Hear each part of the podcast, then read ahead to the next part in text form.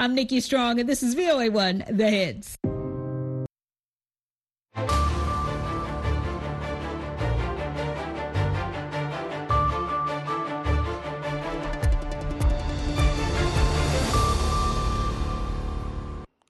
halkani waa washington laanta afka soomaaliga ee v o a oo aad ka dhagaysanaysaan muwjadaha gaagaaban iyo efemyada geeska africa caalamka oo dhanna waxaad nagala socotaan boggeena v o a somaly com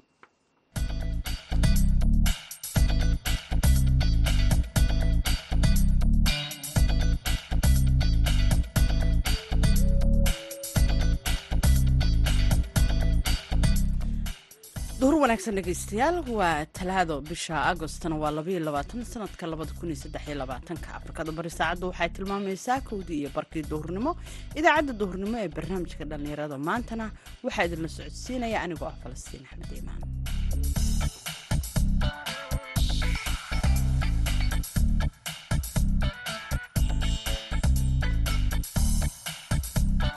qodobada aad ku maqli doontaan idaacaddeenna duhurnimo ee dhallinyarada maantana waxaa ka mida dhallinyaro badan oo isticmaala baraha bulshada oo cambaareeyey. Go'aankii ka yimid dowladda federaalka ee mamnuucaya isticmaalka aalado tigtogga uu ka mid yahay. Waa soo dhaweynaynaa applicationada qaar in la xiro laakiin applicationka wuxuu ku suntan yahay. Application boqolkiiba siddeetan wanaagga ku suntan. Aniga ka bilaal ahaan waxaan uga faa'iideeyey dad soomaaliyeed shacab soomaaliyeed laba gobolaan ku booqday waxaan ilaahay alle ka sokow in aan u noqonnay dad badbaadaan u noqonnay laba kun oo qoys dad ka badan ah ayaan badbaado u noqonnay samafal u samaynay biyodhaaman u samaynay waxaa kaloo aad maqli doontaan magaalada cadaado oo ay dhallinyara ka hirgelisay nalalka qoraxda ku shaqeeya. Sidoo kale qodobo kale ayaanu idiin haynaa marka horese ku soo dhowaada warkii caalamka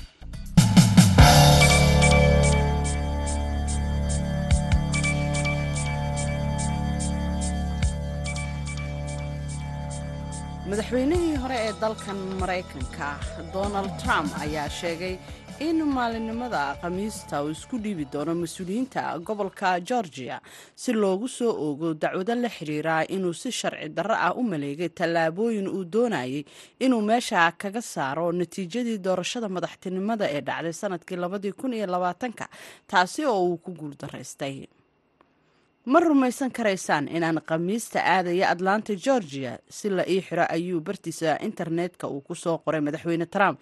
Saacado uun kadib markii maxkamaddu ay sheegtay in trump lagu sii dayn doono damaanad lacageed oo gaaraysa laba boqol oo kun oo dollar kadib markii uu maxkamadda iska soo xaadiriyo sarkaal ka tirsan xafiiska booliiska ee degmada fulton ayaa sheegay ay u sheegay warbaahinta galabnimadii isniinta in marka donald trump uu isa soo xaadiriyo in guud ahaan la xiri doono agagaarka xabsiga weyn ee degmadaasi sida ku cad waraaqaha maxkamadda ka soo baxay waxaa trump laga mamnuucay in uu cagajuglayn u geysto dadka qaybta ka ah dacwaddan markhaatiyada ama dhibanayaasha iyada oo laga mamnuucay inuu u adeegsado warbaahinta bulshada sida ku cad is-afgarad dhex maray dacwad oogaha degmada fulton vani wells iyo garyaqaanka trump iyo garsooraha gacanta ku haya dacwadiisan ruushkana waxa uu sheegay talaadada maanta in difaacyadooda cirka ay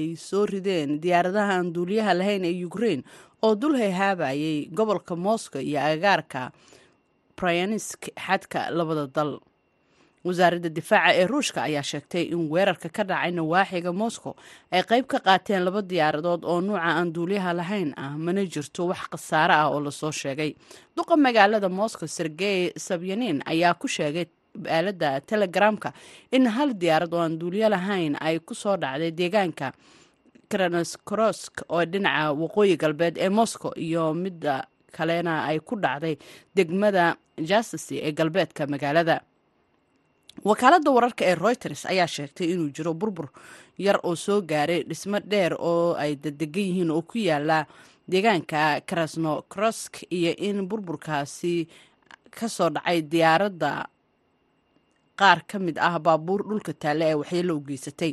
Wasaaradda difaaca ee ruushka waxay sheegtay in laba diyaaradood oo nuuca aan duuliyaha lahayn oo ukrein ay leedahay ay soo rideen nidaamyada isku xirka difaaca hawada ee deegaanka baryansk oo ayna burburiyeen diyaaradahaasi iyadoo aan wax khasaare ah geysanin weerarada dhanka hawada ee ukrain ayaa sababay in garoomada diyaaradaha ee moscow ay hakiyaan duulimaadyadooda in muddo ah tallaabadan oo jawaab u ah weerarada diyaaradaha aan duuliyaha lahayn ee maalmihii la soo dhaafay ka dhacayay gobolka caasimadda ee ruushka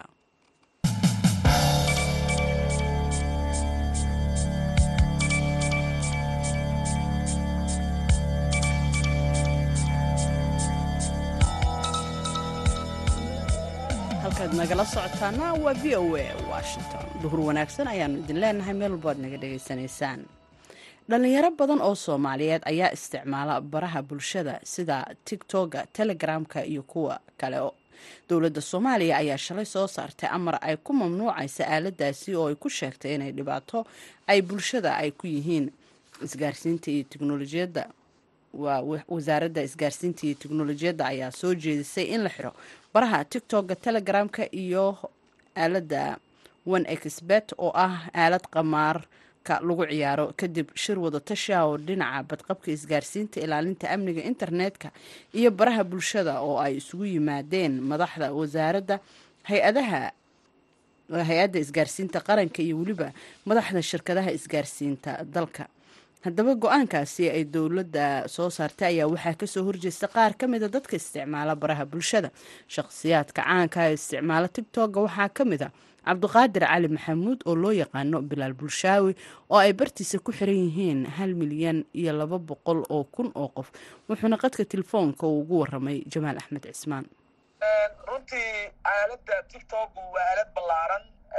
Umana malaynayo inay xumaan oo keliya ku suntan tahay waana ka soo horjeedna annagu midaan aqbali karno oo aan dhegeysan karno ma ah marka dowladdu waxay leedahay dhaqankii ayaa arrintani dhibaato weyn ay ku ahayd. Isticmaalka tictok keliya ma ahane telegram ayaa sidoo kale la mamnuucay. Arrimahaas oo idilmiyaanay ku muuqan oo dhibaatooyinka ay wasiirku sheegay. Runtii wax walba waxay leeyihiin asal iyo farac. Asalkuna waa aalado qaara ayay ka yimaadaan. Aaladana waa aalad wax faafiso oo sida warbixinada lagu faafiyo comedianka lagu faafiyo murtida iyo madadaalada lagu faafiyo aaladuna si qaldanaa loo fahmay. Keliya waxa ay lagu faafiyaa waxay tahay masalan haddii tusaale ahaan aan kuu siiyo snapjatka ayaa qof laga jabsanayaa.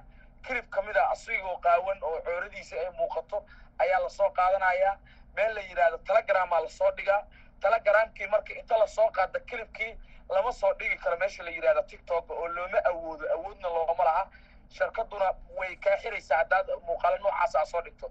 Sidaas aawadeed qofka sawirkiisaa la isticmaalaa la yidhahdaa qof hebelaa la soo fadeexaystay taana waa wax iska caadiyo waa waa sida mediaha camal u shaqeeyaa wax ceeba oo la soo dhigo oo weyna hadda ma jirto oo meesha ceeb ceeb rasmi la soo dhigi karaa.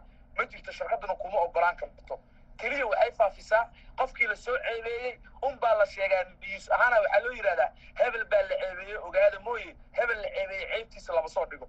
Marka in lafteeda dadkii la ceebeeyey la sii buunbuuniyo oo dad aan ogeyn la sii gaarsiiyo miyaanay dhib ahayn?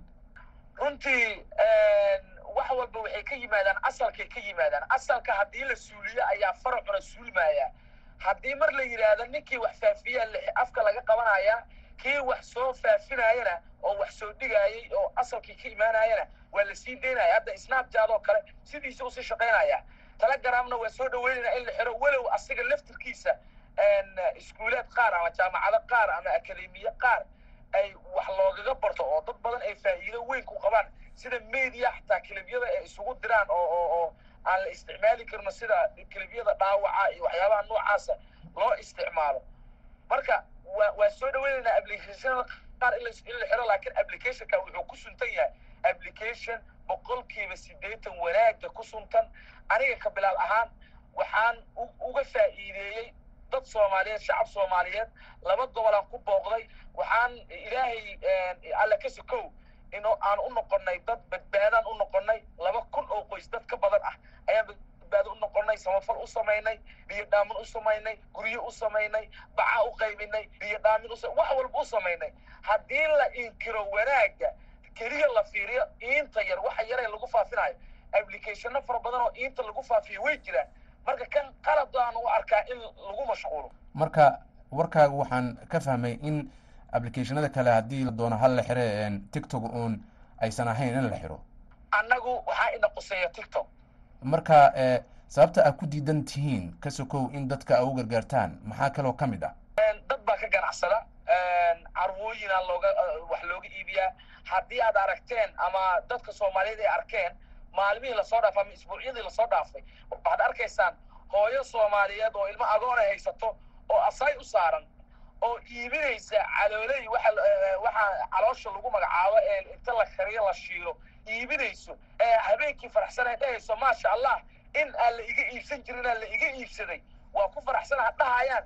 Waad aragteen dadkaasoo kale ka faa'iidaysto ganacsiyaa looga faa'iidaystaa dhaqaalaa laga sameeyaa. Marka u malayn maayo in ay carqaladeyn karto dhammaan bulshada. Qayb ka mida waa laga yaabaa laakiin faa'iidadiisaa ka badan dhaqaala laga sameeya ayaa tiri dhalinyaro fara badan baa isticmaasho oo qaarkood la sheegay in dhaqaale ay ka sameeyaan. Sidee baa dhaqaale looga sameeya marka laga soo gudbo xayeysiinadan aad sheegayso? Tusaale aniga bilaala waxaan rabaa inaan dhaqaalo sameeyo. Annaga tiim ahaan waxaan naha tiimkii ugu horreeyey ee xayeysiin ka sameeya tiktoka. Tiktok waa la ogyahay agency soomaaliya kuma shaqeeyo. Dhaqaalana loogama sameeyo tiktok ahaan. Layfafka iyo waxyaaba noocaasa wax looga samayn jiray. Laakiin hadda annagu waxaan soo kordhinay barnaamij ah in qofka xayeysiin oo u sameeya kambani uu hortago sida kambaniyada waaweyn ee dalka carwooyinka yar yar kuwa soo kobcaayo xayeysiin yar inta loo sameeyo dadka loo gudbiyo la yidhaahdo kambani hebel baa jira alaab hebel buu keenay maanta discount buu sameeyey faa'iidooyin fara badanaa meeshaas laga helaa oo kambaniyadu ay ka faa'iidaan. Kobaca dhaqaalaha soomaaliyana qayb weyn oo lixaad lagu ka qaataa applicationka. Marka waa application boqolkiiba siddeetan ama boqolkiiba sagaashan ay soomaalidu ku intifaacday ka faa'iidaysatay dan yar iyo nin ilahay kuusdaada ganacsadaba hadday noqoto. Waxaad ka dhawaajisay sidoo kale liveka lacag laga samayn jiray.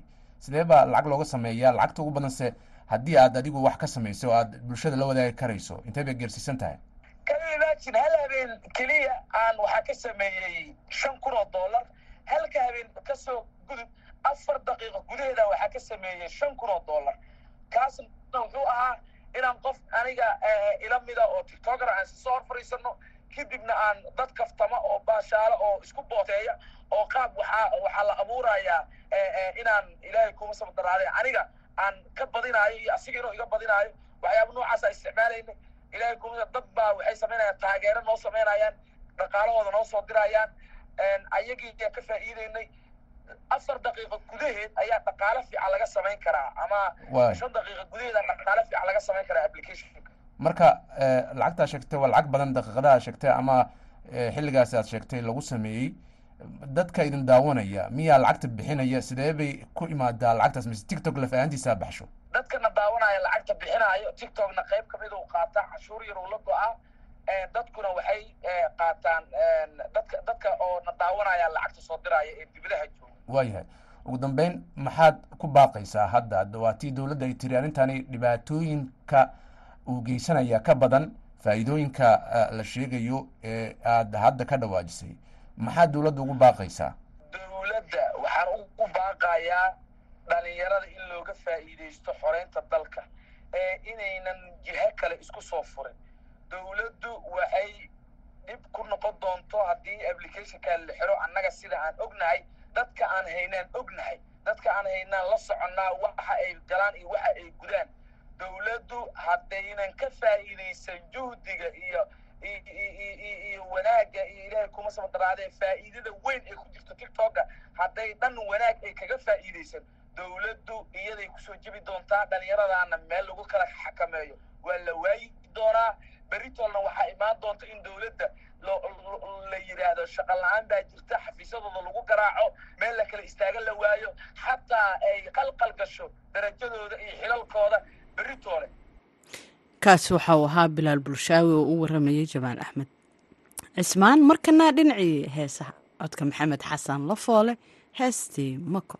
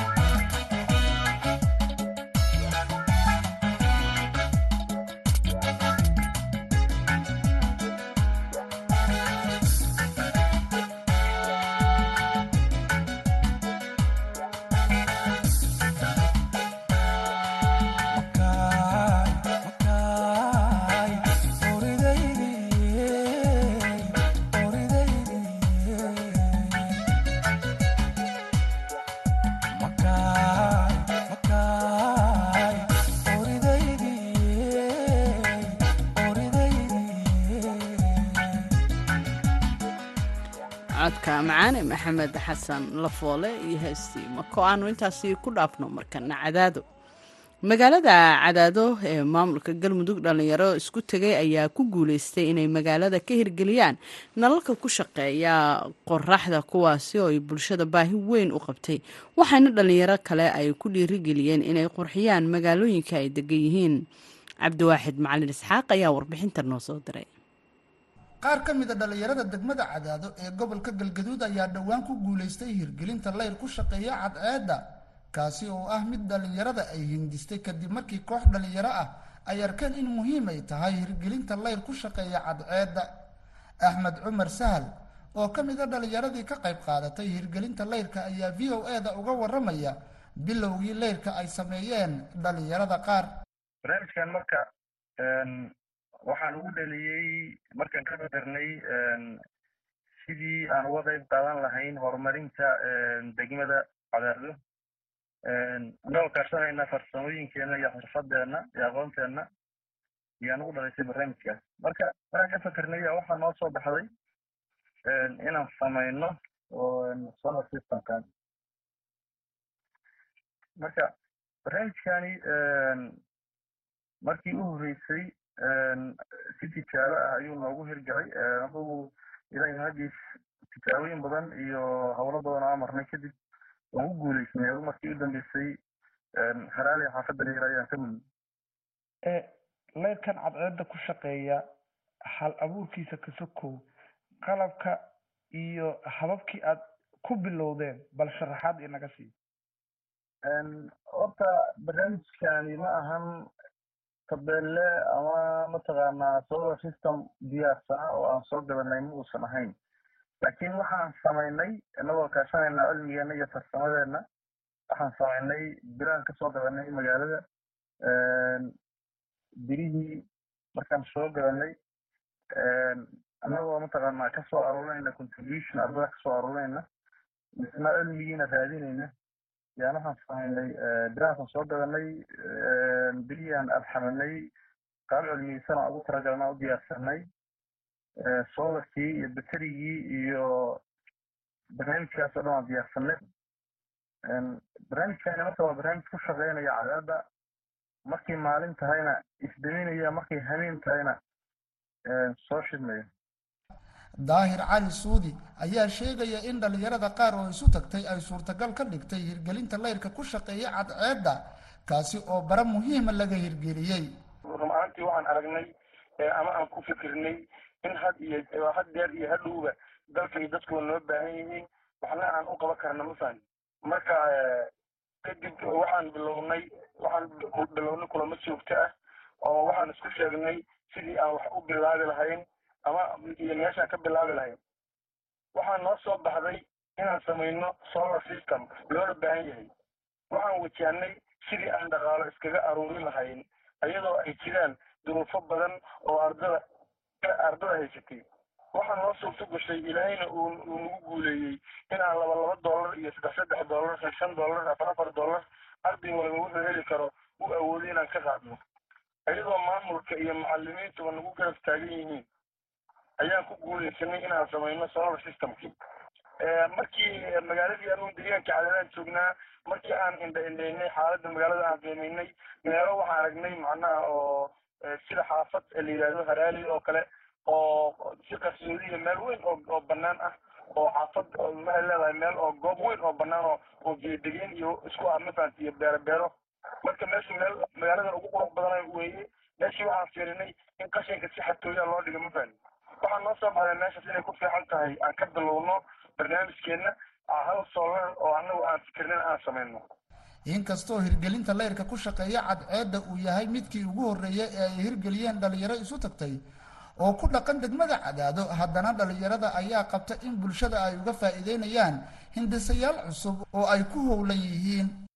Laba qodobay ahaayeen. Kow horta inay bulshadu ka manaafacaadsato meeshaas mataqaana aan ka mudaynay dadku nal helo waan rabnay midda labaad waxaan rabnay dadka inaan tusno soomaalida ah in wax la qabsan karo wax la alifi karo mataqaana dadku ay wax alifi karaan. Way joogaan runaantii dad badan oo hadda naga cilmi badan oo laga yaabo inaysan horey waxba isku dayin laga yaaba soomaalidu mataqaana masayriya laga yaaba rag inay wax ku qabtaan. Marka sidaas baan ugu kaliftay inaan dadka tusno inaan wax samaysan karno. Hadda soomaaliya ma dhicin baan u malaynayaa ama dad soomaaliya oo baabuur soo sameeyey ama mataqaana wax ay alifeen oo hadda shaqeeyo mataqaana ay alifeen. Marka anagu tijaabadan maahan solar system oo kaliya inaan uga hadayno tijaabooyin badan baan wadnaa. Tanina waa midii u horreeya soo bandhignay. Insha allahu kuwa kalena waxaan rajeynayaa haddii ilahay naga dhan wada inaan saxaafada u soo celiyi doono insha allah aad iyo aad waxyaabo badan waxyaabo badan aan ku fikirnay haddeertaana maskaxdeena ka guuxaya tan waa hordhac insha allah waxaan rabnaa hadduu ilaahay idmo inaan waxyaabo kale oo dadka soo jiita inaan samayno. Cabdiwaaxid macalin isaaq v o a gaalkacyo markana dhegeystayaal ku soo dhawaada xubintii ciyaaraha iyo maxamuud masaade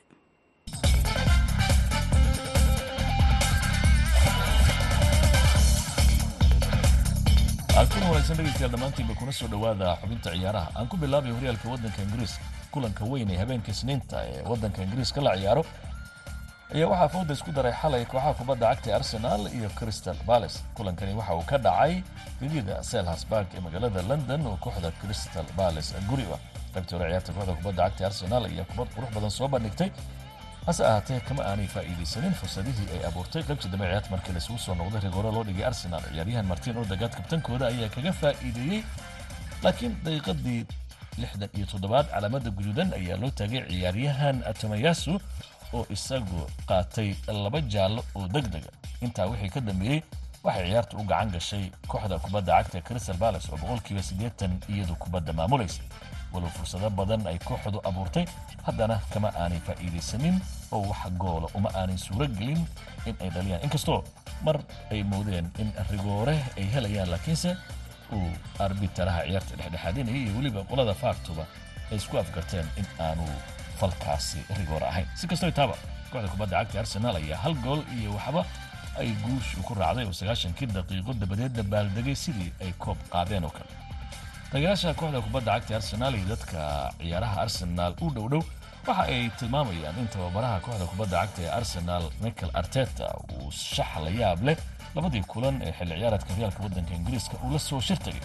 Waxaa la arkayey ciyaaryahan thomas barty oo dhinaca daafaca midig ka ciyaarsiinaya halka ben wide oo booskaasi ka dheeli jirana uu difaaca dhexe keenay. Tomayasu oo dhinaca midigta ka ciyaari jirana uu geeyey baallaha bidixda waxaa dad badan rumaysan yihiin sababta uu macalin arteta shaxdan u adeegsanayo inay tahay isaga oo qadka dhexe boos uga qalqalinaya ciyaaryahan kai havatis oo labadii kulan ee kooxda kubadda cagta ee arsenal ay hadda ciyaartay aan muujinin in uu ka ciyaari karo qadka dhexe. Si kastoo ay tahaba waxaa dad badan isweydiinayaan muddo intee la-eg ayuu tababare michael arteta sii wadi doonaa shaxdan ay ciribteeda dambe muujinayso in ay kooxdu guuldarrooyin badan haaban doonto haddii thomas barte oo ka mid a ciyaaryahanada qadka dhex ugu wanaagsan uu baallaha difaaca midigkasi ciyaarsiiyo dhinaca iyo waddanka talyaanigana haddii aan jaleeco kooxda kubadda cagta ac milan ay habeenkii xalay ahaa goor dambe oo iyaduna ay la ciyaartay kooxda bolonia waxa ay ku badisay laba gool iyo waxba oo ciyaaryahanada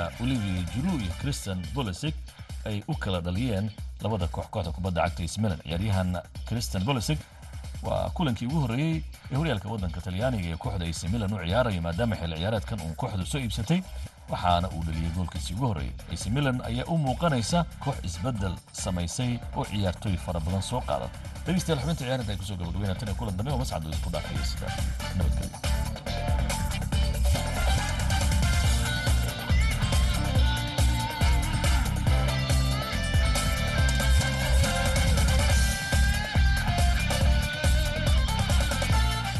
maxamuud mascade iyo ciyaarihaanu intaasi ku dhaafna gabagabada idaacadda ayaanu markana soo gaarnay. Waxaanu idinku dhaafaynaa heestii sacdiya codka axmed cali cigaal intaan mar kale kulmi doono nabadgelyo